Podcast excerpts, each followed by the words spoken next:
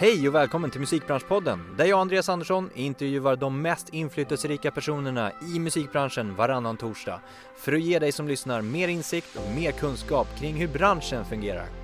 Marknadsföring och speciellt digital marknadsföring är idag hetare än någonsin. Därför pratar jag idag med Nico Sader som är expert inom området. Hon jobbar idag på The Orchard som Director of Marketing and Sales i Norden.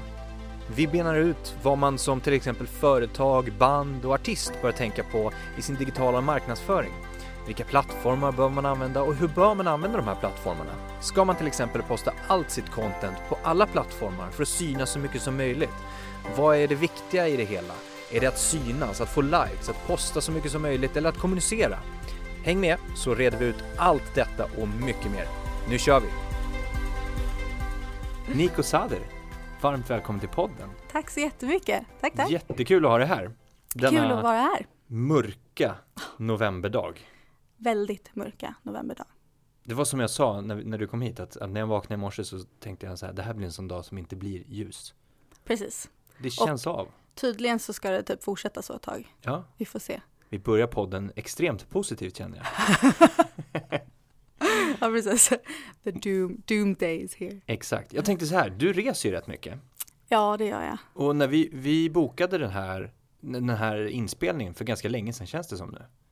Ja, tiden går väldigt snabbt. Ja. Jag har ingen koll på när vi ens bokade. Nej, inte jag heller, men det kändes som att det var långt, långt fram i hösten. Det kändes då som Ja. att så här, oj, oj, oj, så långt fram. Men du reser mycket. Ehm, Det är Var- inte meningen att vara så otillgänglig. nej, men det var ju bra att man kunde boka ändå ganska sådär. Du hade bra framförhållning. Mm. Men var är du reser någonstans? Eh, jag reser lite överallt. Nu senast ehm, så kom jag precis tillbaka från Iceland Airwaves. Ehm, där, är, alltså där gör vi mycket, kom, på konferenser och så, så har vi lite happy hours och det är liksom ehm, Orchard, eh, egentligen för att prata, kunna ha ett utrymme för folk att pra, prata om Orchard och fråga frågor och så. Men också för att träffa våra labels för att jag jobbar över hela Norden. Så att, eh, det är mycket eh, träffa våra isländska bolag till exempel nu senast. Annars så är det nu nästa vecka, den här veckan. Ska till Norge för att utbilda en ny kollega som vi har.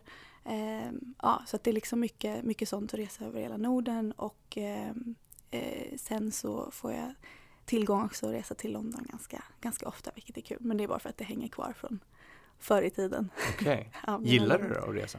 Jo, men det gör jag. Eh, absolut, det är jätte, alltså jag ska verkligen inte, eh, det låter som att jag, man är typ jättetrött. Det är mer att jag är trött från att resa, men det är väldigt, väldigt roligt för att jag skulle egentligen inte vilja ha det på något annat sätt. Nej. Det är typ det mest fantastiska, att man kan kombinera och se nya ställen och träffa nya människor och liksom eh, jobba internationellt tycker jag om. Mm. Så det, det, det är det som är det allra roligast. Vi kommer in på The Orchard lite Ja. senare. Eh, men ni, ni sitter ju här i Stockholm eh, i alla fall och har liksom kontor kan man väl säga.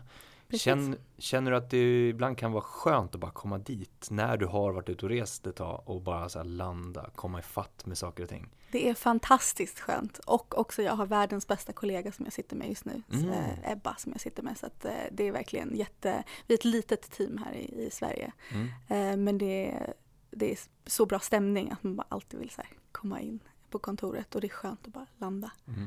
verkligen. Det, Jag tänker på en helt annan grej. Du är ju liksom ute i mycket marknadsföringssammanhang och håller seminarier och är liksom moderator och allt möjligt och utbildning som du pratar om. Eh, ibland så kallas du för expert i sådana sammanhang. ja, det är ganska roligt. Kallar du dig själv för expert ibland? Nej, absolut inte. Inte? Ja, men nej, det gör jag verkligen inte.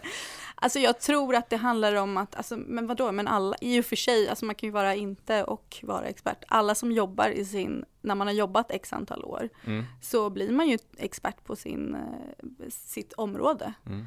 Eh, så att på det sättet så, ja, absolut. Eh, men det är ju inte nå några konstigheter egentligen från andra. Det råkar bara vara så att alltså anledningen till att man blir, eh, alltså man kan moderera eller eh, prata, liksom ha utbildningar eller så. Det har ju egentligen med att göra hur man känner för att liksom föra fram den expertisen man har. Det är ju jättemånga som sitter på fantastiska, liksom, ex, liksom jättemycket eh, kunskap om olika områden. Men de kanske inte är lika bra på att föra fram det. Så att det där har egentligen, tror jag, en personlighetsgrej. Mm. Vad man tycker om också. Ja, för du är ju väldigt duktig på att snacka. Jag har ju sett dig live. Tack, vad snällt. Uh, ja, men det där, det är nog väldigt, uh, jag är nog skyldig ett stort tack till Music Ally där som liksom hjälpte mig och pusha mig. Mm. Det är ju jättemånga, speciellt när man pratar om så kvinnor i branschen också, att många kvinnor liksom känner sig kanske att man inte, eh, man känner sig mer osäker. Eh, så att man behöver någon som kanske pushar om det inte kommer från en själv. Eh, och där tror jag att jag har lärt mig jättemycket av att bli tvingad att göra det. Mm. Och sen har jag insett så här, men vad fan, det var ju inte så, oj, får man så här? Det går. Ja, bra. um, ja, det var inte så farligt liksom. Så, och så lär man sig bara att göra det och uh, bli, man får feedback från, från folk också så att man lär, ju mer man gör det desto, desto bättre feedback får man och liksom förstår vad, hur man ska förklara saker och ting. Och, ja. mm. Det är också en stor del av alltså, att jobba digitalt. Typ alla som jobbar digitalt, 70% av jobbet är ju att förklara grejer för folk. Mm. Att, Men gillar du att stå på scenen och prata? Ja, absolut. Har, har du alltid gjort det? Uh, alltså det är så roligt för att när jag började så kände jag mig, jag är ju musiker i gammal grundbotten så att jag älskar ju att sjunga och stå på scen. Eh, så jag kände att det kändes jättekonstigt att stå och prata när man mm. var van att sjunga. Så att nu har det liksom flippat lite eh, åt andra hållet. Eh, men stå på scen är, har alltid varit eh, roligt men jag tror att det kommer mer från min, min drivkraft kommer mer från att jag lär ut till folk, alltså att se folk växa och lära sig nya grejer. Snarare än att man, fan, jag kan ju stå på scen och liksom prata hur mycket jag vill. Men mm. om ingen lär sig någonting så ger det ju inte någonting. Nej. Så det, jag tror att min drivkraft kommer mer från det. Kommer du ihåg första gången du lärde någon annan än någonting? Alltså i något sånt här lite mer liksom utbildande sammanhang? Ja, um, jag kommer ihåg mitt första uppdrag var, alltså det är helt sjukt att det är så första grejen man gör, men vi jobbade med Universal Music. Vi hade ett uppdrag där vi åkte ut till alla deras kontor. Och när du säger vi, då var det? Music Ally, ja. precis, man ska vara tydlig också. Eh, och eh, då hade vi ett uppdrag med Universal, så åkte vi ut till alla deras kontor i Europa och USA. Eh, och meningen var att man skulle lära ut alla alla deras, eh, oavsett vilket område man jobbar på, att man, alla skulle vara på liksom en och samma eh, kunskapsnivå när det är liksom digitalt. Det man kallade demystified digital. Typ. Eh, och det var väldigt mycket praktiskt. Och där kommer jag ihåg att det var liksom, det, det är första, första grejen jag gjorde som var verkligen att utbilda folk och där man får direkt feedback på vad de har lärt sig. Mm. Eh, och det var fantastiskt. Men sen också, jag har ju, jag jobbade ju på, nu kommer mitt IKEA-snack upp, men jag jobbade ju på IKEA och där var jag köksdesigner. Och också, där hade jag som uppgift att eh, så småningom, min uppgift var att kolla igenom alla ordrar och se till att det var, att det såg rätt ut, ehm, allt som lades in. Och om det var någonting som skulle liksom förbättras eller om det var någonting som hade gått fel så var det dels att fixa det men så var man ju tvungen att gå ner och prata med de personerna som hade gjort det också för att de skulle lära sig. Mm. Så därifrån kommer det också. Mm. Och det tyckte jag väldigt, väldigt mycket om. Så den har jag liksom hållit, hållit med mig mm. i musikbranschen. Häftigt. Mm. Om vi backar lite då till musikbranschen och lite efter Ikea kan vi säga då kanske. Precis, lite efter Ikea. Men, men, men du har musiken i grund och botten? Ja. Sätt. Var kommer musikintresset ifrån? Jag är en produkt av den svenska kulturskolan och musik i skolan. Aha. Så jag, är en, jag hade inte jobbat med musik om det inte var för att jag, jag känner verkligen så starkt och det är någonting som jag verkligen så brinner för. Att det finns, öppnas upp så många möjligheter för folk som får den eh, den möjligheten att gå på kulturskolan. Liksom, min mamma hade inte kunnat eh, jag, jag, spelade fiol, det var så jag började. Och det kom från att de besökte min skola och det var liksom, ja men du vet när mm. kulturskolan kommer får man testa på. Eh, och min mamma hade inte haft råd att göra det om det inte var för att det var liksom subventionerat och ja. Så att jag är en helt liksom produkt av det och kommer helt från min egen drivkraft. Mina föräldrar har ingenting egentligen förstå sig vet nog fortfarande inte vad jag håller på med. Eller nog, de vet inte vad jag håller på med. Eh, så att det är, ja, det är därifrån det kommer. Okej. Okay. Ja. Och sen då, har du alltid spelat fiol? Fortsatt med det? Ja, jag fortsatte fram tills att jag flyttade fram, eh, till London för ungefär 5-6 eh, år sedan var det nu. Eh, så att jag spelade, spelade från att jag var liksom 6-7 år. Och hade samma, det här är ganska roligt, jag hade samma musiklärare fram tills att jag var 20. Så jag hade samma musiklärare i typ 14, 13-14 år. Oj. Vilket är fantastiskt. Eh, och hon, följde, hon var helt fantastisk. Um, och, eh, så det har alltid liksom funnits med. Mm. Och sen så har det utvecklats mer med att eh, jag upptäckte liksom att åh, jag tycker om att sjunga också. Jag gick på, och då sökte jag in till eh, musik och läsa musik på gymnasiet så då får man ju testa andra, spela trummor, spela bas och du vet sånt där. Så det liksom utvecklades men huvudinstrumentet är väl fiol och, eh, och sång. Och eh, jag eh, behöver komma tillbaka och faktiskt spela lite mer fiol. Är det så? Tar jobbet som man säger över för mycket nu? Ja, alltså det tar väldigt mycket tid och det är ju inte, alltså det är inte för att jag, jag det är också för att jag eh, har rest mycket mellan London och, och, Sverige egentligen. Men nu när jag känner liksom att nu är tillbaka i Sverige så vill jag definitivt, eh, jag älskar att spela i orkester. Jag tycker inte att det är lika kul att spela själv. Mm -hmm. Så jag tycker att det är kul att spela med, tillsammans med andra personer. Eh, så det är den som är lite svårare för då måste man ju ha, få in tiden, den rätta tiden som passar. Verkligen, då är det inte bara att sätta dig själv i hörnan och börja öva.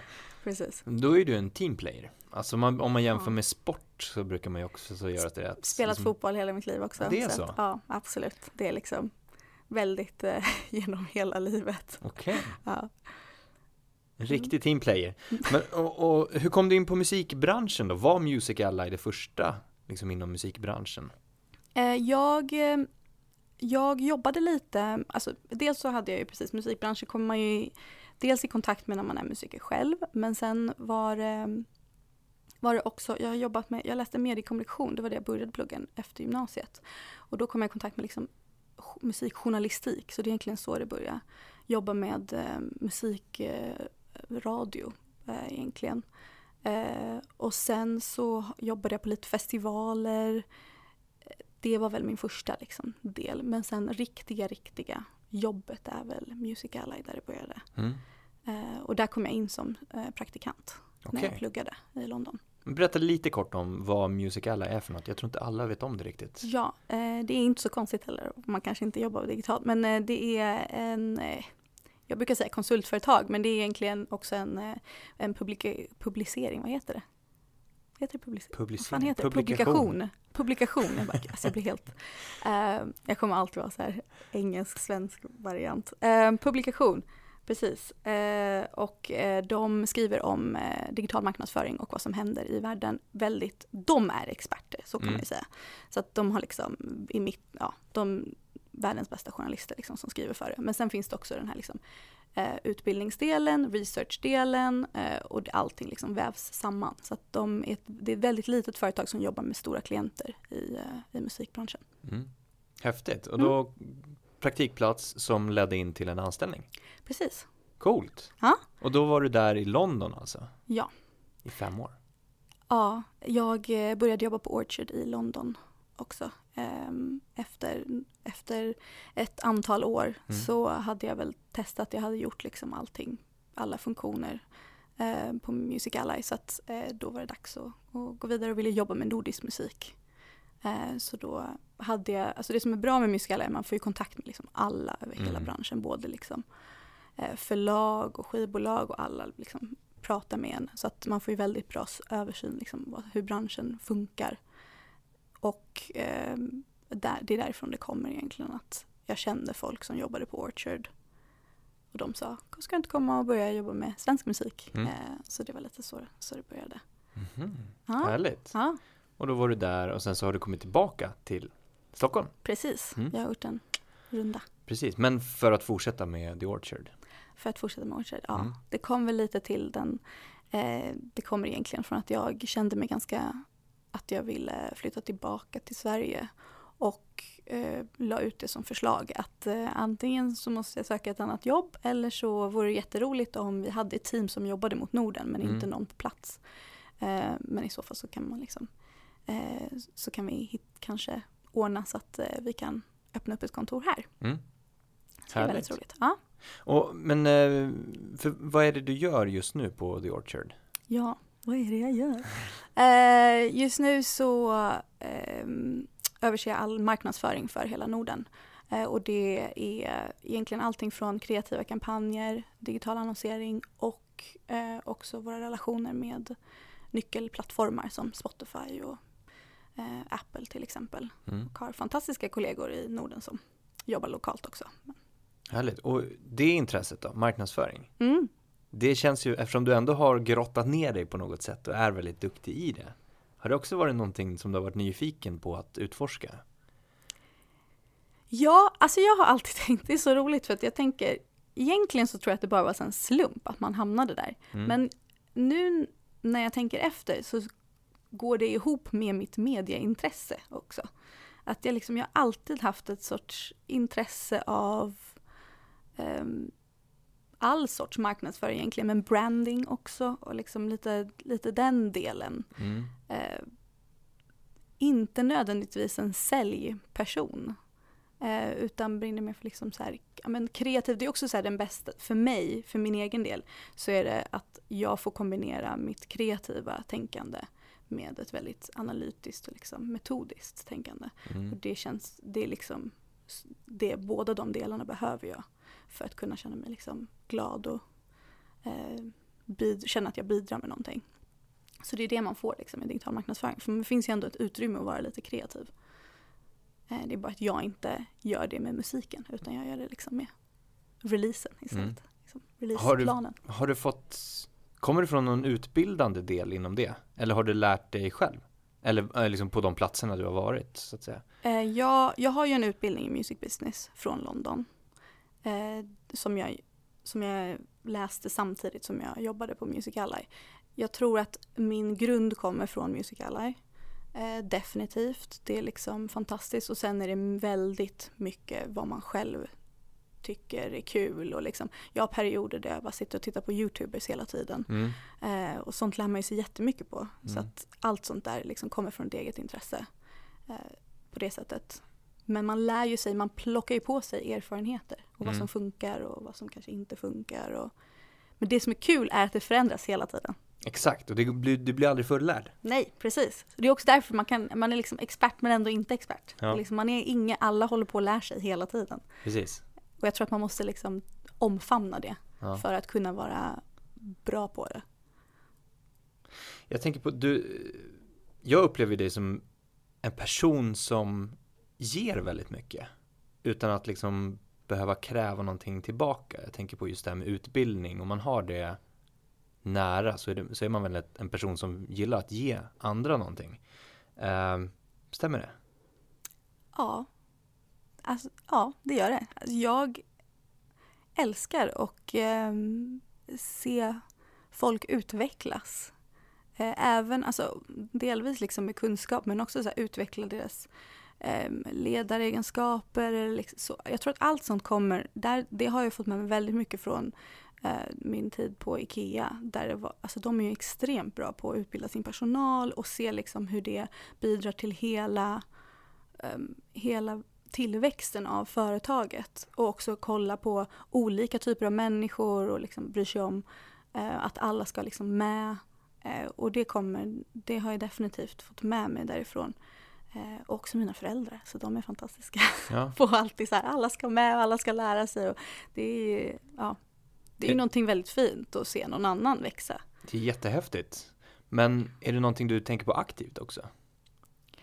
Jag har börjat tänka på det mer aktivt ju mer jag eh, ut... Alltså att hålla en föreläsning är ju liksom inte på samma sätt eh, att vara med någon under längre tid. Men ju mer ansvar man kanske får liksom, i organisationen över att utbilda dina kollegor och liksom få med andra personer.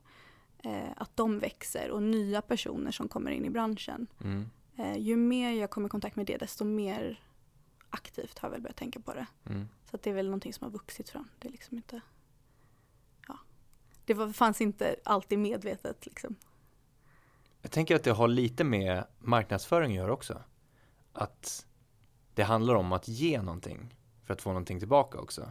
Mm, bra poäng. Precis. Och att inte bara marknadsföra för att få någonting. Alltså eh, inte bara för eget ändamål. Mm, Utan om man tittar på band, och artister och företag till exempel. Så att, att skapa värde och att visa det värdet och att ge det värdet och inte alltid kräva någonting tillbaka. precis. det- Vilket många glömmer. Ja Förlåt. men precis. Ja. Vi kanske kommer in på det i och för sig. Kanske. Ja, vi ska, vi ska gräva ner oss lite i marknadsföring tänkte jag. Ja. Ehm, men en annan fråga, när du arbetar med saker och ting, om det är, oavsett om det är på The Orchard nu eller om det är Eh, att utbilda eller att moderera eller någonting, funderar du någon gång på eh, varför du gör det du gör nu också? Ja, alltså Ja, alltså det finns ju alltid med egentligen varför man, men det kommer nog från att, alltså en del just nu så är det en del är liksom att man, um, att det är väldigt roligt att komma i kontakt med nya människor. Um, men en del är också för mig att jag tvingas, jag tvingar mig själv att göra saker som jag inte känner mig bekväm med. Det är så roligt för att folk tror alltid att bara för att jag har gjort massa föreläsningar att jag känner mig jättebekväm. Och jag är jättenervös inför varenda grej jag gör. Och det är helt sjukt, alltså jag blir typ, det är som att jag blir typ mer nervös ju mer jag gör det. Eh, och så att jag ser det också lite så här, jag får en liten kick av att jag eh, känner mig rädd för att göra vissa grejer och då vet jag att okej, okay, då måste jag fortsätta göra det. Mm. Eh, så att jag gör det också, det är väl kanske liksom en för mig själv liksom så också, att jag tvingas eh, hålla mig eh, uppdaterad också. Eh, med allt som pågår för att det är väldigt lätt när man jobbar i branschen att man, eh, alltså vi är ju så inne i liksom varje dag vad behövs göras och sådär. Att man liksom glömmer det här roliga och kreativa och hur man får idéer och ser liksom lite mer på så här, hur går utvecklingen och sånt. Um, så att sådana delar när man utbildar någon då måste man faktiskt tvingas tänka. Mm. Vad är det egentligen som händer och um, ja, hur, hur kan man egentligen hålla sig liksom. Mm. Ja. Jag kommer ihåg när jag träffade dig på Where's the Music. Ja. Uh, och du skulle vara moderator för ja. en panel. Jag var moderator för paneler precis. också. Och så, du var jätteduktig.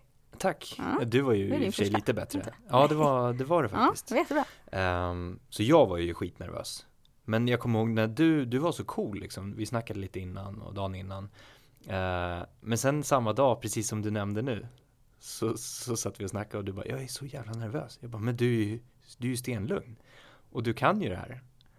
Så du, du, du är väl, alltså du kopplar väl på någon slags positiv nervositet? Måste ja, precis. Det finns ju inte. Som får dig att leverera. Ja. Alltså jag kan ju inte, jag har inget annat val när, det, när jag säger ja. Det är också därför, ibland säger jag ja för lite för mycket grejer. Ja. Eh, och det är ett så här, problem i sig. Men, att, men när man väl gör det så då är man ju liksom tvingad, då är man ju där. Jag kan ju inte backa ut nu. Mm. Eh, så att det tvingar ju en verkligen och så här, nej men nu måste jag göra det. Då får jag, det finns ju ingen eh, anledning för mig att sätta mig, eller liksom gömma mig. Då måste jag bara strunta i det. Mm. Då är den här power det är bra, helt rätt inställning tycker jag. För då får ju du dig att utveckla dig själv och pusha din liksom lägsta nivå mm. lite högre. Den är Precis. jättebra.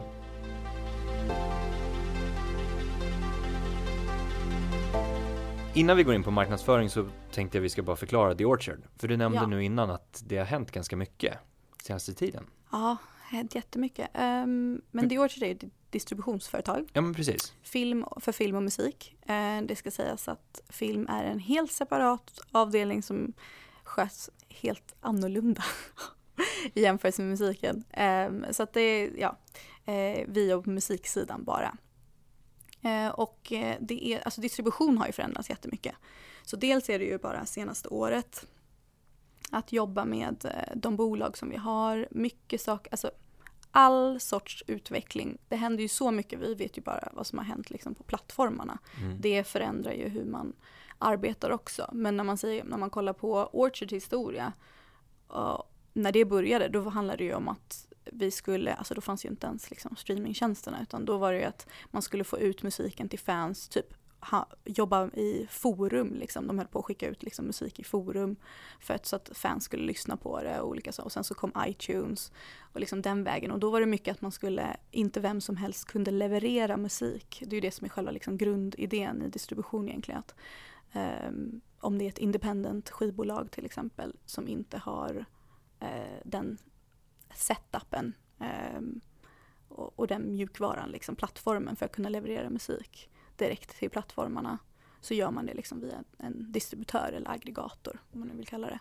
Eh, och det är ju grundidén. Men sen har ju det utvecklats. Alltså idag kan ju vem som helst, nu har ju Spotify öppnat upp för att eh, artister till exempel kan leverera direkt till Spotify.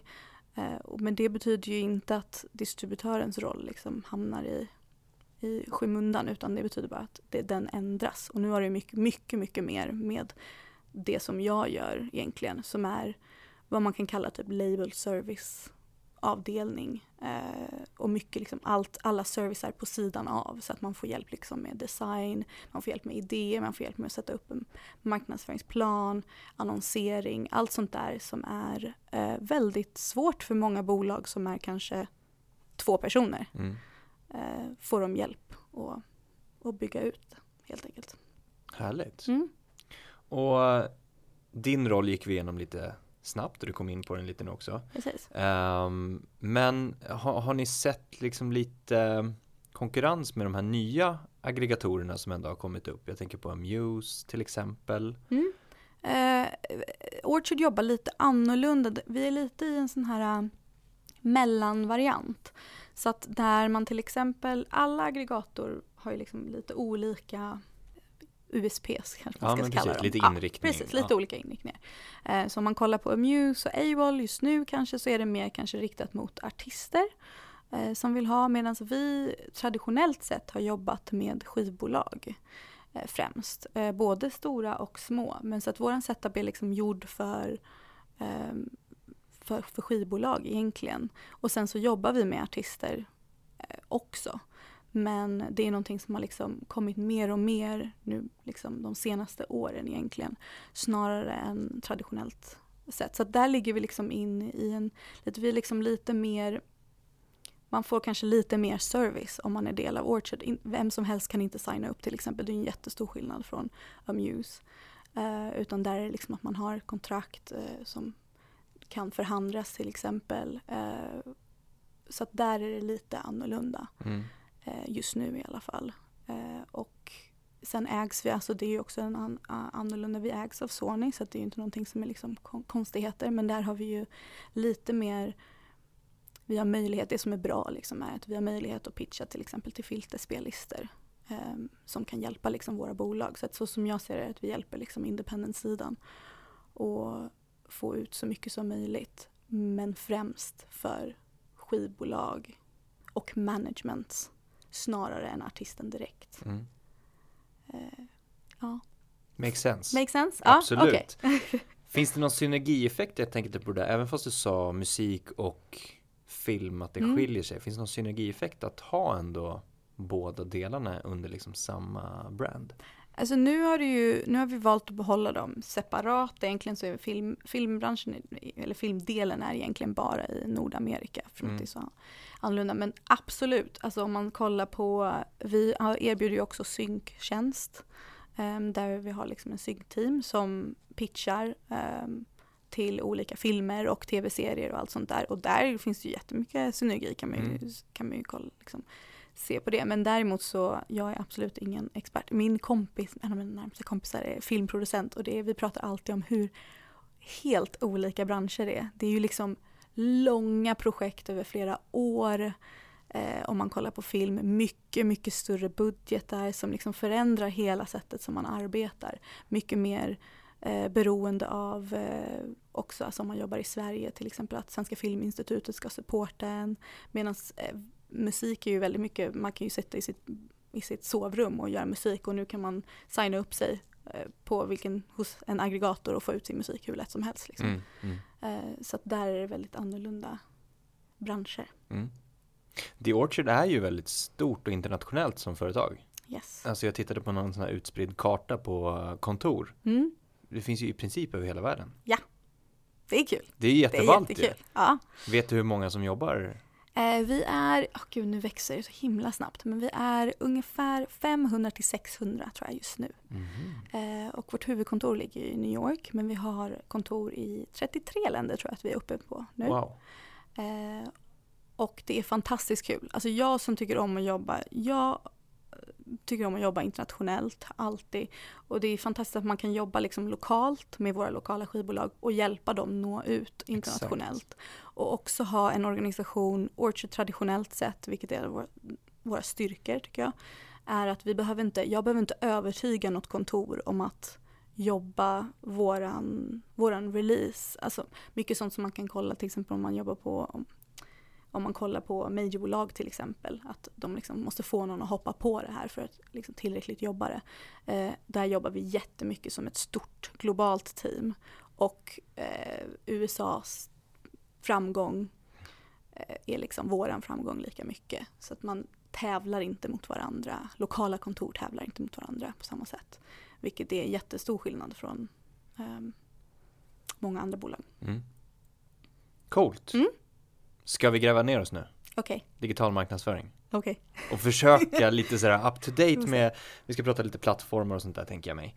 Eh, som vi sa, det förändras ju mycket så det gäller ju att man håller sig på tårna. Typ varje dag. Ja. Ja men precis, och det Facebook kommer med någon ny eh, algoritm med hej och hå och någon ny funktion och Ja, sånt där händer hela tiden. Instagramfilter och lalala. När man kunde lägga på musik till exempel. Ja, man kan lägga på musik nu. ja, Ja, det är ballt. Mm. Det gjorde jag första gången förra veckan. ja vad kul. Med podden, Ja, såklart. vad roligt. Det är bra. Man Man ska sig. använda sig av de nya grejerna som kommer. Utforska. Ja, precis. Jag lärde mig faktiskt, precis som du sa, via ett YouTube-klipp. Fan vad bra. Så det, alltså utbildning finns ju väldigt lättillgängligt. Absolut. Så smart. Men om vi börjar med det här. ehm, jag tycker att det känns som att marknadsföring är något som har blivit liksom mer och mer hett. Eller folk har blivit mer och mer intresserade av ämnet marknadsföring. Framförallt Mm. digital marknadsföring när den har blivit det. Mm. Förstår du vad jag menar? Alltså ja, alltså det är väl typ att folk vet mer. Det har ju blivit till, man kan ju inte Marknadsföring är ju digital marknadsföring. Alltså i din Mm. marknad, ja om man säger så liksom. Det är, egentligen så finns det inget, eh, det är klart att man kan prata om liksom, fysiska skaffa posters ute på stan och sånt där men i din plan så ingår ju alltid en digital plattform Mm. Eh, nu för tiden. Så att det går ju inte att undvika längre, det är ju därför. Ja, men det känns som att det har blivit mer spännande. Att folk tycker att det är, det är roligare än Ja. att lägga upp en marknadsplan för 25 år sedan. Eh, eh, liksom, det är roligare att göra det idag. Ja, men jag tror att det är för att det är också så här mer experiment, eh, alltså man kan ju experimentera och just som Mm. vi sa, så här, ingen är expert och alla är experter liksom. Alltså, så, så man kan ju bara testa och se och ha lite idéer och alla gör olika också. Mm. Det finns så många så här subgenrer nu för tiden. Förut var det ju liksom om du kollar på eh, alltså om du kollar på hur folk eh, om man sett, jag tänker så här när man var liten och satte sig och så var det väldigt så här familjevänligt att man satt hela familjen framför tvn. Mm. Och så, då får man ju liksom samma sorts musik ut från den. Liksom. Nu, kan ju, nu har ju min syrra, alltså hon är så K-pop-fan och liksom helt inne i den världen och har liksom sin egen subgenre. Det har ju alltid funnits men det är på ett helt annat sätt att folk kan liksom ha sin egna lilla grej och, och connecta med folk över hela världen. Mm. Så att det här är ju jätte, hon lyssnar ju inte på samma musik som mamma och pappa gör. Liksom. Så, Det är lättillgängligt också, ja, tänker jag mig. Och, och ganska billigt som vi sa. Precis. Och ehm, att du kan experimentera och Mm. du kan ångra och redigera. Mm. En, en printkampanj i en, en eh, liksom ett Svenska Dagbladet kunde du inte riktigt redigera om det blev fel. Nej. Eh, eller prova och sen göra om. Utan det kostade ju väldigt, väldigt mycket här, pengar. Du vet ju inte hur, du vet ju inte vem som har sett den. Exakt. Det har du ju mycket, mycket bättre koll på idag. Alltså om du kollar på online. Liksom. Mm. Där, där vet man ju åtminstone, det är ju inte klart att ibland så har den statistiken också lite så här, det vet man med Facebook till exempel, video, liksom, tittandet och så. Men att det kanske inte alltid stämmer perfekt. Men det ju, stämmer ju bra mycket mer än noll Mm. data liksom. Mm. Ja men och då kanske det hänger ihop med att man är väldigt nyfiken Ja. på att se den konkreta siffran. Mm.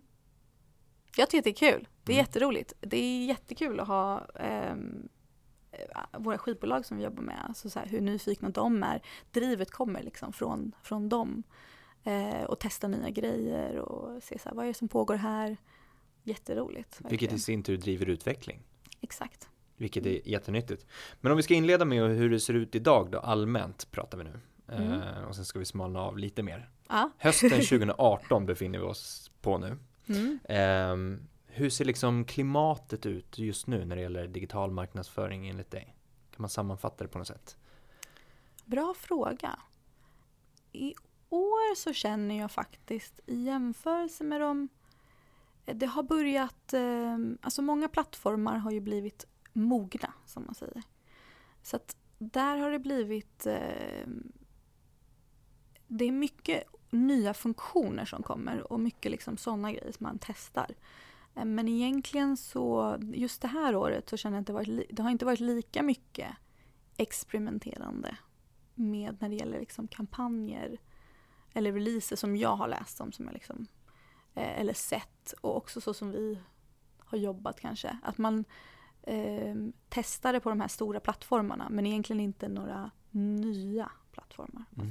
Men det där mm. kommer ju också med att det blir eh, det är ju svårt att testa en ny plattform eller en ny startup eller whatever. Om det är en helt ny, du ska liksom få en publik och gå över på en helt ny plattform. Utan där är det ju betydligt eh, mer att man testar. Jag tar hell, testar hellre Instagram stories, musiken liksom. Så. För att man vet att den, de har eh, själva publiken, liksom, fansen finns där på den mm. plattformen. Um, så det har blivit lite, det känner jag väl att det är lite mer Mm. Ja. Och sättet man gör det då? Är det, är det mer som du säger att det inte är så experimentellt heller? Att man kanske eh, höjer den lägsta nivån på vad man mm. kastar ut och att det blir som någon slags standard? Mm, precis. Jag tänker ads eller content och hur man gör det och vilka funktioner man använder sig av live på Facebook eller live på Insta och sånt. Att det blir mm. mer så här, ja men nu är det standard. Alltså det som är bra, det som, det som är, den delen som är bra är att många har börjat testa eh, andra, att inte bara, precis som du säger, den här standardvarianten på annonsering till exempel. Mm. Själva contentet. Liksom. Där har man börjat fatta så här, okej, okay, vi behöver ge någonting för att få någonting tillbaka, det som vi pratade om tidigare till exempel. Um, eller att ha en kommunikation för att det är liksom en kommunikationsdialog. Medan eh, förut så brukade det vara till exempel Facebook, alltså bara några år sedan. Det var ju liksom en hemsida som mm. folk hade. Och nu är det mycket mer en konversation som man har, så det har man ju liksom börjat inse. Så att den delen är ju jättebra, att man liksom inser att man faktiskt måste prata med sin publik och skapa en relation med, eh, med fans. Eh, men sen hur det blir hur det liksom går ut i praktiken så kanske inte det alltid liksom hamnar eh, man kanske har väldigt goda intentioner men, eh, men att det inte liksom hamnar så som man kanske vill. Mm. Mm, och, där, och optimeringen av annonseringen när det gäller liksom målgrupper, nå ut, få det mesta för sina pengar. Så om contenten är där så finns kanske inte alltid den kunskapen kring liksom allt det här komplicerade. Man har liksom basic-varianten. Eh, så att, eh, och det är också för att det händer så pass mycket. Så det, alltså det är omöjligt att hålla, liksom, hålla uppe den kunskapen. Eh, så att jag tror att där behöver man liksom få hjälp. Och där, och där blir det ju mer och mer också viktigt att till exempel alltså en distributör kan hjälpa till med det. Mm. Eh, så att folk liksom har koll på eh, och kan lita på att det blir gjort liksom med mm. den senaste optimeringen så att säga. Men utvärdera lite vad ska man lägga sin egna tid på egentligen? Exakt. Och vad bör man liksom låta någon annan göra, ta in någon annan expert i det här fallet då. Precis. Men vad är hett just nu då? Finns det någon plattform eller eh, filter eller funktion eller något som är så här jättehett? Alltså Instagram är ju hett. Mm. Uh, inte för att vara den som är liksom obvious, tråkig svaret, men det är ju hett. Uh, och också uh, precis filter som du sa. Alla varianter på filter egentligen. Alla sådana här artificial, alltså augmented reality filter, mm. AR. Um, filter um, är ju väldigt hett och också kul. Alltså det är ju för att fansen tycker att det är roligt och att de använder det.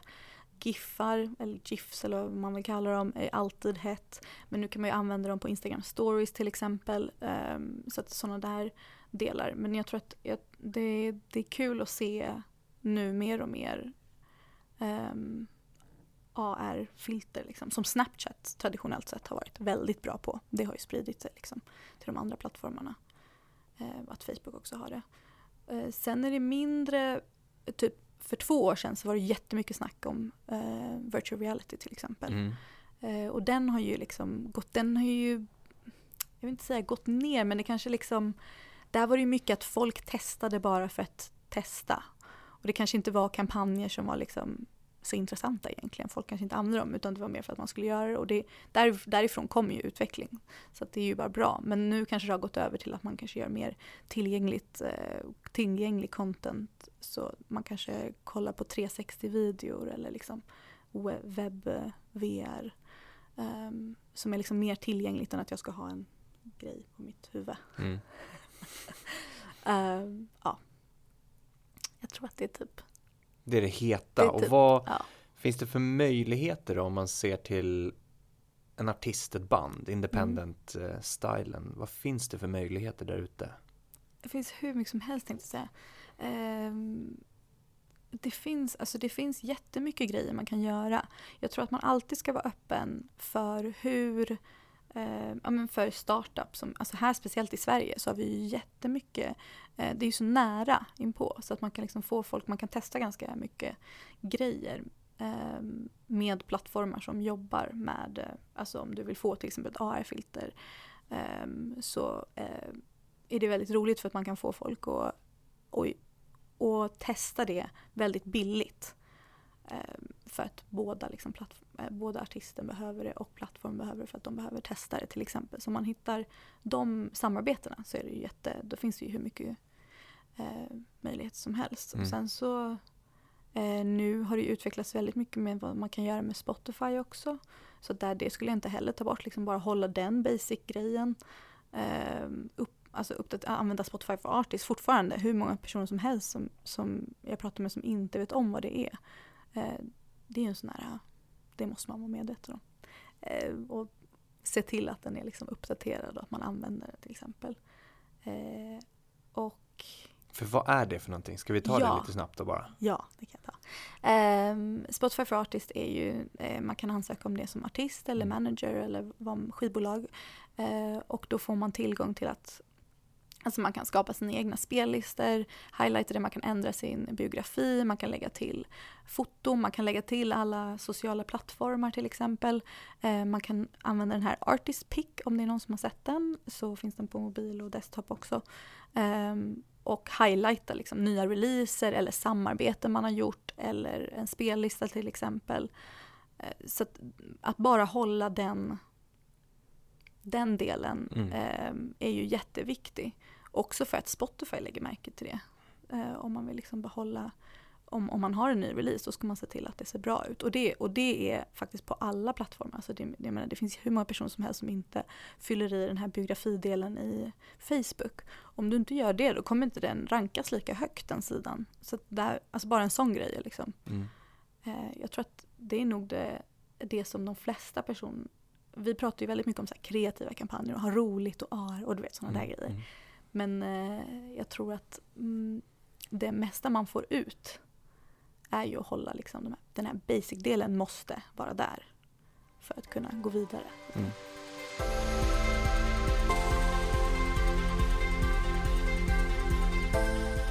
Jag vet att man ska anpassa sin marknadsföring till sin målgrupp såklart. Men om du bara får ge tre till fem plattformar som tips, vilka ska man använda om man är en artist up and coming? Eller har kanske börjat såklart. Och, Och vi pratar främst etablerad. typ Europa eller liksom väst. Ja, precis. Ja. Ehm, Instagram, Facebook. Precis, målgruppen där kommer ju in om man vill. Ehm, Spotify Mm. är ju det egentligen. Mm. Ehm, skulle inte eh, undervärdera Apple om man till exempel är i UK. Eh, så att absolut, där finns det ju. Men det är väl de plattformarna. Liksom så. Mm. Och sen så Snapchat kommer ju in i vissa målgrupper och genrer speciellt. Ehm, och ehm, också så här att inte typ nedvärdera sin egen mejllista.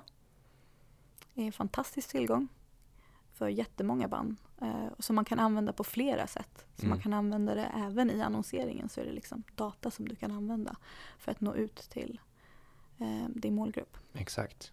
Ja. Bra, och sen ska du inte sprida ut utan du ska väl anpassa de här och ha koll på de här så att du inte bara använder en av dem och sen så finns du på fyra andra men du använder egentligen bara en som är Precis. uppdaterad så att säga. Ja, och det här, alltså det här, den, den diskussionen är alltid rolig för att jag jobbar mycket med att man inte ska bli överväldigad av Ja. alla liksom, plattformar.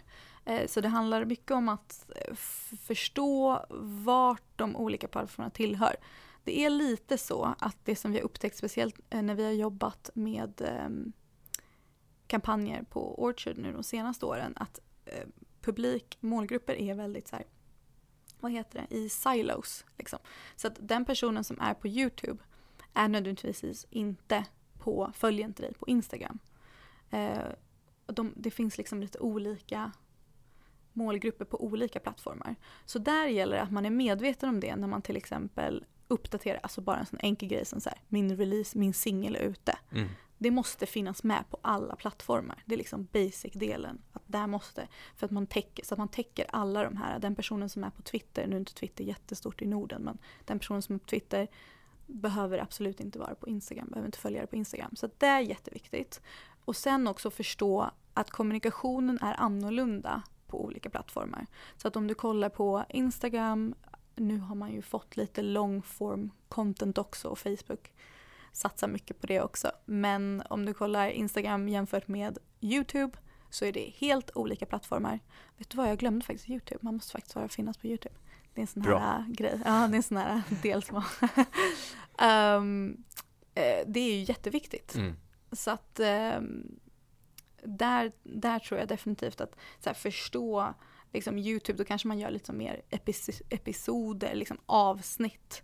Eh, kanske inte nödvändigtvis bara, det som många artister gör till exempel är ju att bara ha sina, eh, sina videos på Youtube, musikvideos. Vilket är helt okej okay om det är liksom det man vill göra och så bestämmer man att ens favoritplattform är eh, Instagram. Det, det är okej att, att, ha så, men då kan man inte förvänta sig att YouTube kommer att växa, att den plattformen kommer växa, att man kommer få fler fans där. För det är inte så, det, så som den plattformen fungerar. Så det handlar mycket om att förstå liksom, typ Facebook, alla algoritmer som liksom funkar. Du kan inte gå från att posta noll inlägg till att posta fem inlägg. Eh, nu när det är release liksom så. Um, du måste bygga långsamt, ja, stegrande precis. på något sätt. Ja, och mycket, alltså bara det baserat på deras algoritm. Mm. Um, så vad tycker du om band och artister som postar på en, alltså samma innehåll, samma content, samma bild med samma text med samma hashtags mm. och sprider ut det på alla sina fem plattformar säger vi då? Alltså det, det är okej okay om det handlar om en release. Alltså om det handlar om så här, det är också så här olika varianter på content. Mm. Så att om du, om du ut, alltså om vi tänker på en singel, absolut det kan du ha liksom samma sak. Sen ska ju det vara anpassat till, du kan inte ha samma video till exempel, alltså man kan ju tänka på hur, vilket videoformat. Videoformatet som är på YouTube är inte samma som, som det är på Instagram till exempel. Man kan ha det men det ser inte lika bra ut. Så där behöver man tänka mer på så formatet. Du kan ha samma sorts kopia om du vill liksom på singeln. Men allting annat emellan. Om du tänker liksom den där är hard sell varianten och den kommer liksom varje månad, låt oss säga, eller varannan månad. Du har liksom en singel som du bygger upp. Allting däremellan är ju anpassat, måste vara anpassat för eh, plattformen. Och Mm. där är det in, handlar det inte om att jag ska, tusen gånger ska säga att nu är min singel ute, gå in och lyssna på den på Spotify. Alltså vem bryr sig? Alltså fans, om de bryr sig, kommer gå in och göra det. Du behöver ju bygga upp den kommunikationen och ge dem en anledning att bry sig om singeln när den kommer ut. Exakt. Does this make sense? Verkligen. Jag bara babblar på. Nej men det är jättebra. Jag har liknat det förut i podden tror jag. Det är, det är lite som att likna det med förr i tiden om man, om man tryckte upp ett hundra stycken CD-skivor och gick på stan och tryckte upp CD-skivor i ansiktet på folk. Mm. Lyssna på min skiva. Lyssna på den då. Lyssna på den. Lyssna på den sa jag. Precis på samma sätt det här mellan Det det här, det här som händer mellan att posta på Instagram. Nu släpper jag min singel. Lyssna Mm. på den. Lyssna på den. Lyssna på den. Ja, precis. Vad skulle du säga är de grundläggande liksom hörnstenarna för att lyckas med sin digitala marknadsföring? Jag tror att ehm, en stor del som inte har någonting egentligen med, det är liksom grunden till eh, egentligen all typ av så branding och marknadsföring är, och ofta någonting som artister har koll, de liksom vet det någonstans i bakhuvudet men inte riktigt har tänkt på, är det här med att så här, vad, vem är jag, vad står jag för? eh, väldigt tydligt. Det måste vara ännu tydligare nu för att Mm. våran, vå, alltså vi har ju typ åtta sekunder tror jag att vi är nere på våran så här attention span grej, typ mindre än en guldfisk liksom. Helt sjukt. Ehm, så det är liksom ännu mer att det behöver vara visuellt synligt, speciellt om man pratar till exempel Instagram så är det en visuell plattform. Mm. Ehm, att där behöver man väl, man behöver veta vad man står för, vad min musik handlar om. Vad är det för någonting som jag vill få ut och vad är grejen med liksom, min kampanj. Vad, eh, och jag brukar säga att man, man väljer tre ord att beskriva sig själv. Och det flyter igenom hela kampanjen. Allt, allt material man gör, alla beslut man tar går, liksom, blir baserade på de här ledorden som man använder. Och det är någonting som man behöver oavsett om det är digitalt eller inte. Eh, och eh, de flesta personer missar det. Eh, när man, för att man tänker så mycket på vad man ska... Vi, vi jobbar ju med produkter. Eh, och då glömmer man ofta bort att någonstans där ute så köper, så finns det liksom en person som köper den här produkten. Mm. Um, och vi jobbar också med så roliga produkter, det brukar också vara en sån här grej som, vi, som man pratar om att vi, jobbar, alltså vi är så lyckligt lottade och jobbar med musik så att det är så här, folk glömmer att eh, vi tävlar liksom inte med eh, alltså en artist. Vad säger man så här, Taylor Swift tävlar liksom inte med Beyoncé, alltså när det gäller liksom musik, utan där den personen som lyssnar på Beyoncé kan också lyssna på Taylor Swift medan typ om man pratar typ toalettrullar eller whatever som man brukar säga. Så jag vet inte varför jag alltid tar upp det som eh, Men då är det liksom olika eh, märken. Mm. Eh, och de jobbar med tråkigare produkter mm. vilket gör att de ofta gör roligare marknadsföring kring det. Och vi glömmer bort det lite i musiksammanhang.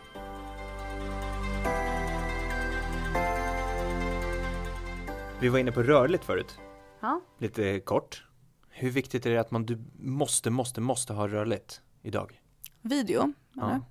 jätteviktigt. Det är ju alltså nyckeln mm. egentligen. Eh, så att det är superviktigt. Måste man ha producerat? Måste du vara väldigt avancerat Nej. och du måste ha värsta utrustningen? Nej, absolut Nej. inte. Och det, var, det är också så skillnaden på olika plattformar till exempel. Mm. Att eh, du kanske vill ha någonting som är lite mer producerat på Youtube i jämförelse med typ Instagram stories till exempel. Eh, det där är lite olika eh, men eh, man behöver absolut inte ha någonting som är så här, stjärnkvalitet. Liksom. Det, det är oftast faktiskt mycket bättre när det blir liksom såna här fails eller när det inte funkar. Om det kommer från så här genuint. För det är ju också så ett sätt för fans att eh, lära känna en artist och det känns lite så här närmre. Mm. Eh, så att sånt där funkar egentligen bättre än alltså, bara sitta så på sitt sovrum typ, och spela in grejer mm. också.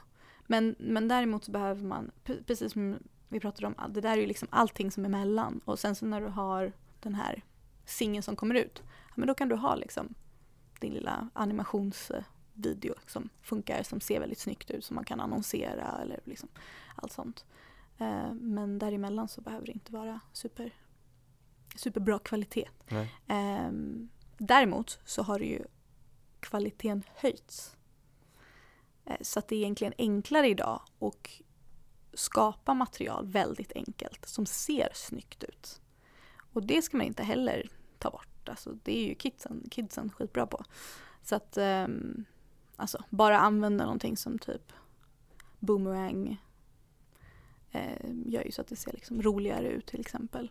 Eh, även fast det inte är video så blir ju det en liten GIF-video som man kan använda. Mm.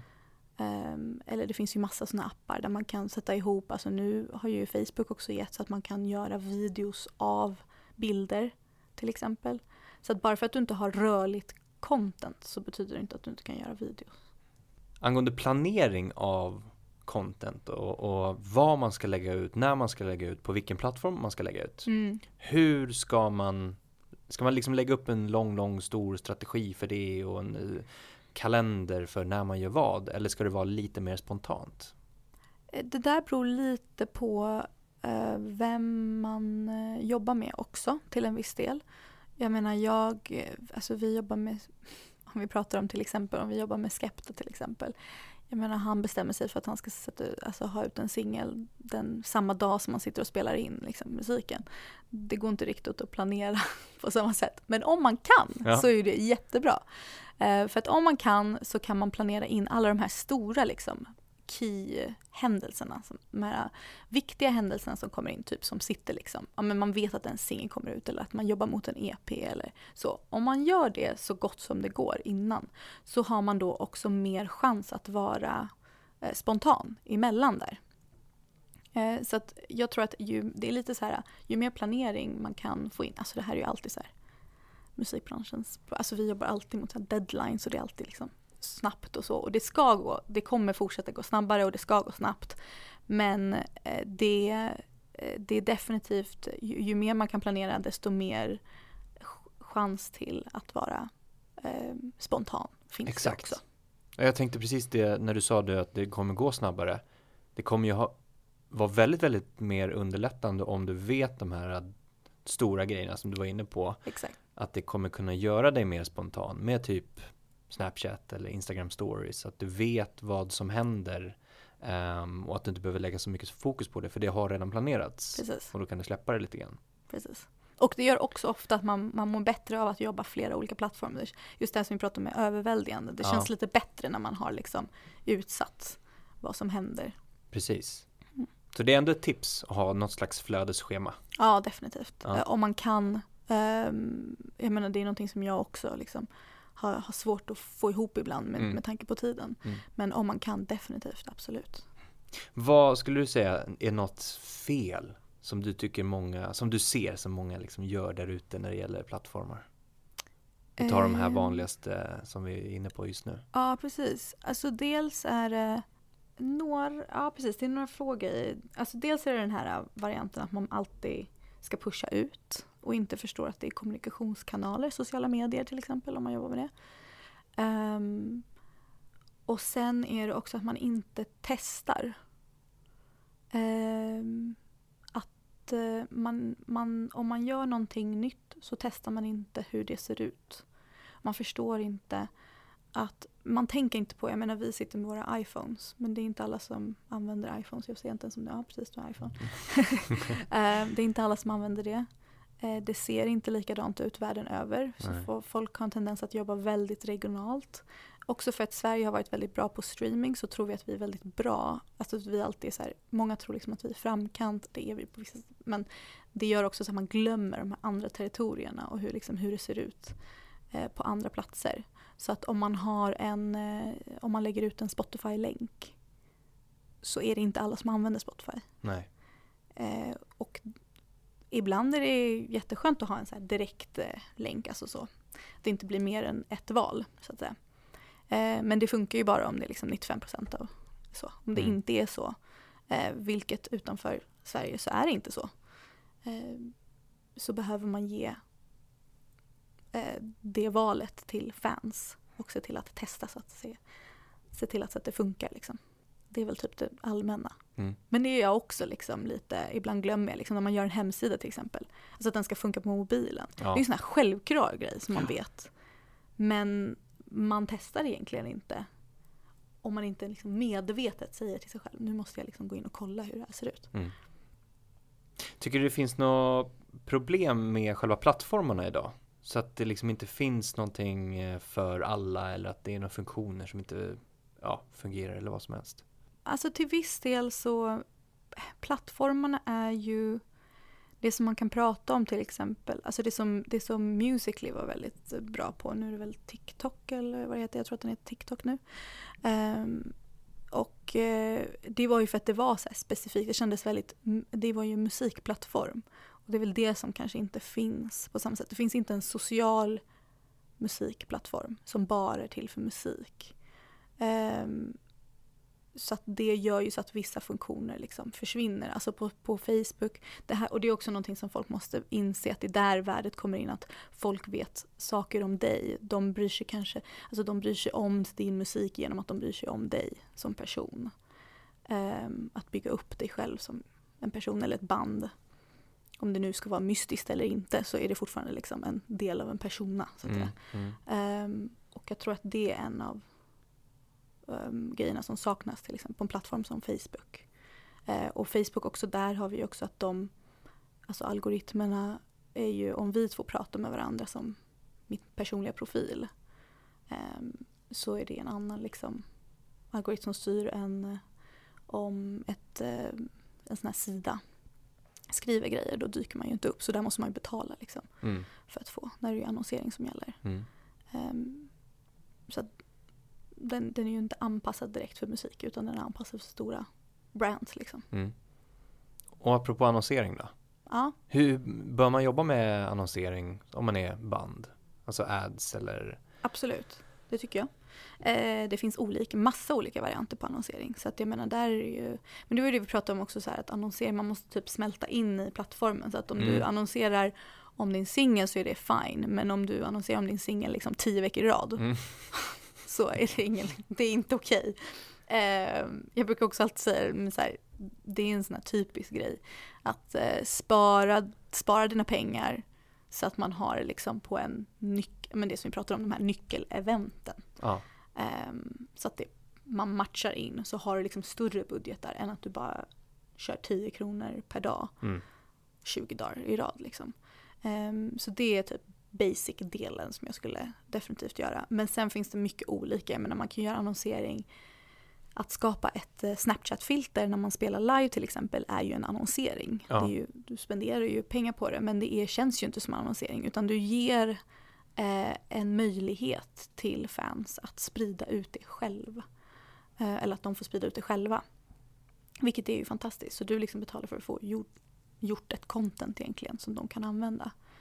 Eh, så att mycket, så det finns mycket sådana varianter. Och jag tror att man behöver kombinera. Det allra bästa är ju när man liksom får det kombinerat. De här liksom hard sell med liksom alla de här varianterna emellan. Mm. Ehm, Men jag tycker att det är jätteviktigt att testa annonsering, se hur det funkar, jämföra med sig själv. Eh, hur det funkar, det är ju jätteannorlunda i olika territorier beroende på vad det är för någon, artist, någon variant på artist man är. Också tänka så här, vart, om du är ett hårdrocksband eller hårdrockband så kanske inte Instagram är det största utan då kanske din största plattform är Facebook. Ja men då lägger vi mer pengar på det. Alltså tänka lite så. Mm. Om man är klassiskt, eh, en klassisk label så kanske det passar väldigt bra att annonsera på Amazon. Mm. För att eh, där köper man fysiskt till exempel. Så att ja, man behöver fundera ut det som vanligt egentligen, Ja. som det alltid har varit. Ja. Ehm, men eh, man får ju tillbaka en massa roliga eh, statist- rolig statistik som man kan kolla på. Precis, och använd Utveckling.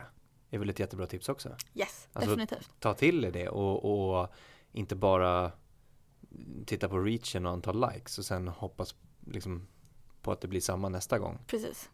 Men det är också en sån här typisk grej, för jag har många labels som har annonserat innan och så kollar de på, när man kollar på ehm, alltså kostnaden till exempel, eller reachen, så kommer man tillbaka och säger så här, men fast det funkade bättre när jag gjorde det, när jag bara betalade med den här blåa knappen som man sätter upp liksom Mm. hur enkelt som helst, till exempel om man pratar Facebook.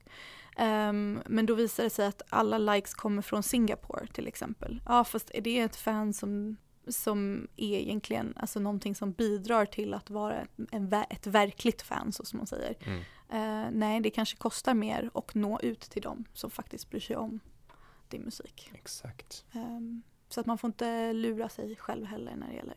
Ta det med en nypa salt. Ja.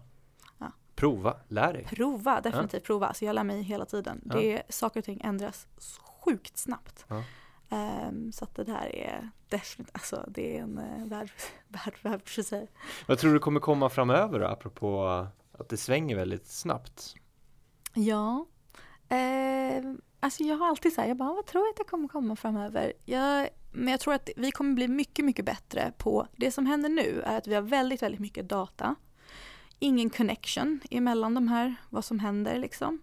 Eh, det tror jag att vi kommer bli mycket bättre på. Jag ser fram emot det. Att kunna se, alltså det, det är mer och mer, men liksom de här conversion rates eller till exempel, alltså jag ser ju, jag ser en annonsering på Instagram. Jag klickar inte på den men jag vet om att den här låten är ute. Så då Mm. senare när jag går in på Spotify så går jag in och kollar det. Typ den, liksom, kon, eh, att connecta dem eh, kommer bli jätteintressant. Och sen också att göra så här, eh, vad heter det, så här, make sense of the data. Så att liksom, man har all den här datan men att, eh, så här, vad betyder det? Alltså Mm. de flesta skivbolag vet inte och artister har inte tid eh, att sätta sig in i det och de vet inte vad det betyder. Så det är vårt jobb som distributörer eh, egentligen och skivbolag ännu mer att göra så att folk förstår sig på vad egentligen det betyder Mm. och vad för någon, eh, vad man ska göra baserat på det man ser. Liksom. Mm. Vad för några nästa steg kan vi ta?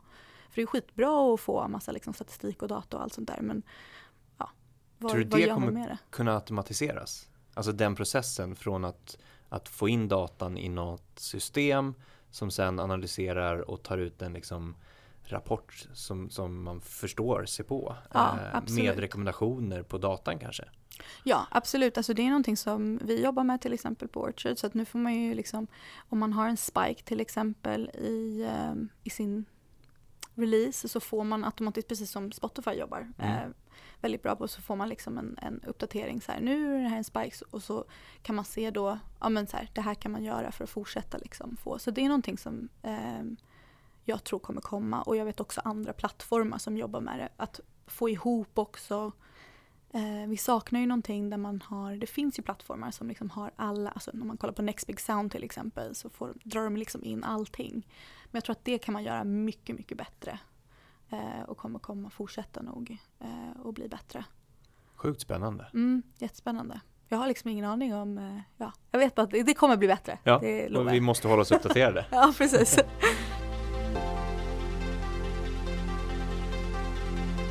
Vi ska gå in på lite tips. För att avsluta. Oh. Om du får ge en, ja du kan få tre stycken då, tips Okej. till ehm, ett nystartat företag, alltså en startup som vi var inne Mm. på. eh, som vill liksom skapa sig en tydlig online-närvaro. eh, och de har kommit igång, men riktigt, inte riktigt vet vart de ska börja. Mm. Hur kan man sätta igång? Ja, jag skulle definitivt eh, när det gäller startup, alltså företag, eh, sätta ihop en hemsida Eh, och se till att den är kopplad till Google så att folk hittar den. Eh, allra flesta personer använder Google. Eh, men våra för, alltså, hemsidan dyker inte upp av sig själv utan där behöver man connecta den till Google. Det finns massa roliga eh, grejer med Google Analytics, Google Search Console, liksom få, få ihop det så att när folk ens googlar liksom, vad är det här för någonting så ska det vara klart och tydligt vad det är för någonting. Och sen så självklart sätta upp sociala medier och då kanske jag skulle, jag skulle väl kanske fokusera, om man tänker Sverige så skulle jag nog fokusera på, alltså börja med Facebook eh, och Instagram. Eh, det är väldigt svårt, det beror ju på också vad det är för någon sorts företag. Mm. Eh, om det är väldigt visuellt så passar det ju väldigt bra med Instagram. Eh, om det är internationellt till exempel så kanske man ska tänka på att ha en Twitter också Mm, till exempel. exakt. Eh, Men eh, det, det första jag tänker med företag är definitivt se till och se till så att det ser professionellt ut. Eh, även om man är, alltså jag kommer ihåg vi hade ett sån här event, jag hade ett eventföretag i, eh, i eh, London där vi bara hade så här eh, massa roliga, alltså det var mest eh, för skojs skull men eh, kombinerade musik, poesi och eh, ja, konst. Och eh, det såg ju när man skickar ut, liksom när man kontaktar folk eh, för att ha till exempel om vi frågade om vi kunde få hyra ett ställe eller sådär. Så ser det ju så mycket bättre ut när vi hade liksom alla våra, även fast vi bara hade typ 100 följare liksom. Mm. Ehm, så ser det mycket, mycket bättre ut om man gör det ordentligt och, det, och man har alla de här delarna, liksom, komponenterna som behövs. Eh, så att jag skulle se till att det ser professionellt ut från början. Tänk som ett stort företag, även fast det är litet. Eh, definitivt. Eh, och se till att man har liksom alla de här eh, ja, pixlarna och sånt Mm. på plats också. Eh, om man istället är en artist då och vill få ut sin musik, Mm. hur bör man sätta igång där? Om man tänker online så skulle jag definitivt, alltså där är det ju mycket mer sociala medier. Mm. Och koppla ihop alla grejer som man gör i verkligheten. Så typ om du spelar ett gig. Alltså det är helt sjukt vad många som glömmer att uppdatera liksom att man har ett gig. Alltså, det är så världens enklaste grej. Och, eh, eller att man ska spela liksom. Eh, eller om man, har, om man är med i en tidning eller onlineblogg. Det kan vara världens minsta blogg. Att prata om det också. Men du behöver inte prata om det på ett sätt som är liksom så här, "Åh, läs det här, läs det här. Utan det kan vara liksom vad som helst. Så här, vad tycker ni om det här? Eller att man har liksom öppnar upp en, en relation till Mm. sina fans. Och den kommer ju ofta, det är en kombination av att det kommer från alltså saker som man gör fysiskt så att säga. Eh, men att verkligen se till att det som händer fysiskt också händer digitalt. Eh, alltså grime-scenen är ju bäst på det här. Så att om man vill ha tips så är det ju liksom det som, och också se till att man vet vem man är som artist. Mm. Eh, Det som vi pratade om innan, att verkligen vara tydlig med eh, vad man står för. Och sen kan ju det utvecklas. Det är ju inga konstigheter. Absolut. Eh, ingenting är liksom final, men eh, man måste börja någonstans. Mm. Eh, connecta med andra musiker tycker jag är jätte, jätteviktigt online när man är ny som artist. Eh, prata med andra, andra musiker, artister, skapa en community själva och få upp varandra, dra upp varandra. Eh, om man inte har fått någon eh, i musikbranschen och se till så att alltså, man inte har fått hjälp därifrån innan så får man definitivt hjälp om man är liksom ett stort kollektiv och drar upp varandra. Ehm, Jättebra. Ja. Du ska få en fråga från föregående gäst, ja, Joppe Pilgren. woho! Och eh, han undrar om du har gått många stigar och gjort många val i ditt liv. Vilken var den värsta stigen eller en återvändsgränd du kom in på som du kanske inte skulle velat gå in på? Mm. Alltså jag har försökt att verkligen tänka på så här, är det någonting jag verkligen, verkligen ångrar att jag har gjort? Ehm, och eh, det gör jag inte. så att jag, jag känner verkligen att allting jag har gjort har liksom lett mig in på det som, där jag har hamnat. Så att eh, jag har, ja men dels liksom typ, om man ska ta liksom de stora grejerna så här, musik. Eh, om man tänker musik på gymnasiet, Eh, så att jag förstår processen. Jag förstår vad det är, hur det är att arbeta som musiker eh, och stå på en scen. Alltså det är ju jätte, det tycker jag är jätteviktigt om man jobbar med musik. Så tycker jag att det är viktigt också att förstå vilka personer man jobbar med. Eh, och den, den sidan liksom av musikbranschen. Ehm, så den delen och sen så har jag också själva radio och liksom musikjournalistik, viktigt att förstå. Eh, det har liksom gett mig in på att ha en, ha en, eh, en teoretisk förståelse för marknadsföring eh, och musik generellt som liksom vilken makt det har och vilken eh, positiv, eh, alltså det kan ju ha väldigt, eh, vad heter det, vilken skillnad det gör för människor Mm. kulturellt sett så att säga. Eh, och sen så IKEA, ledarskapsutbildning, verkligen ta vara på, jobba som ett team, ta vara på alla som, allas liksom bästa eh, för att få, liksom, få växa. Eh, och att jag har rest till exempel, jag har kommit lite så här på villovägar, alltså typ rest runt i Australien liksom. Var, det har jag ju lärt mig av att jag hade inte flyttat till London om jag inte hade rest runt i Australien för det gav mig en sorts självständighet. Ehm, nu känner jag att jag bara babblar på. Men jag har verkligen inte ångrat någonting. Det är Nej, det som är Vad poängen. härligt att höra. Ja, alltså Men du, verkligen. ser, du har ändå sett det positiva i det och det har inte varit något ödslande av tid. Nej, alltså det är aldrig något ödslande tid. Man kan ju Nej. se det. Alltså jag tror att det där är typ ens inställning. Mm, helt klart. Eh, ja, det är ju verkligen så här. Jag kan välja att se, ja fan varför gick inte det liksom hela vägen? Eller så har man liksom, allting leder in en på någonting och man lär sig någonting mer om sig själv. Man lär sig om andra människor. Alltså att resa till exempel, lär man sig, åh gud fan, folk är ju jätteintressanta och alla har liksom en historia som du vill berätta. Det tar man ju med sig, alltså musikbranschen har ju typ jättemånga roliga personer och Mm. intressanta människor. Eh, man lär sig alltid någonting. Mm. Som, ja, definitivt. Härligt. Ja. Du ska få ställa en fråga till nästa gäst. Ja, jag har varit väldigt inne på såna här Youtube-videos senaste tiden. Eller jag ska inte säga senaste tiden, jag är alltid inne på Youtube-videos. Ehm, och jag har kollat mycket på de här varianterna. Vad heter det? Playlist your life. Ah, Ja, precis. Eh, så att jag kör min fråga lite på det här, till nästa person. Att välja ut fem, om du skulle välja ut fem låtar som beskriver ditt liv. Från barndom till vuxendom. Mm. Eh, vad skulle det vara? Och, eller vilka låtar skulle det vara och varför? spännande. kul. Det är Ja, jättekul. Jag hoppas att den personen tycker att det är kul Ja. att svara på. Ja, jag hoppas också det. Nico. Tack för din kunskap och Tack. tack för härligt snack. Tack så jättemycket. Tack, tack för att jag fick komma. Självklart, anytime.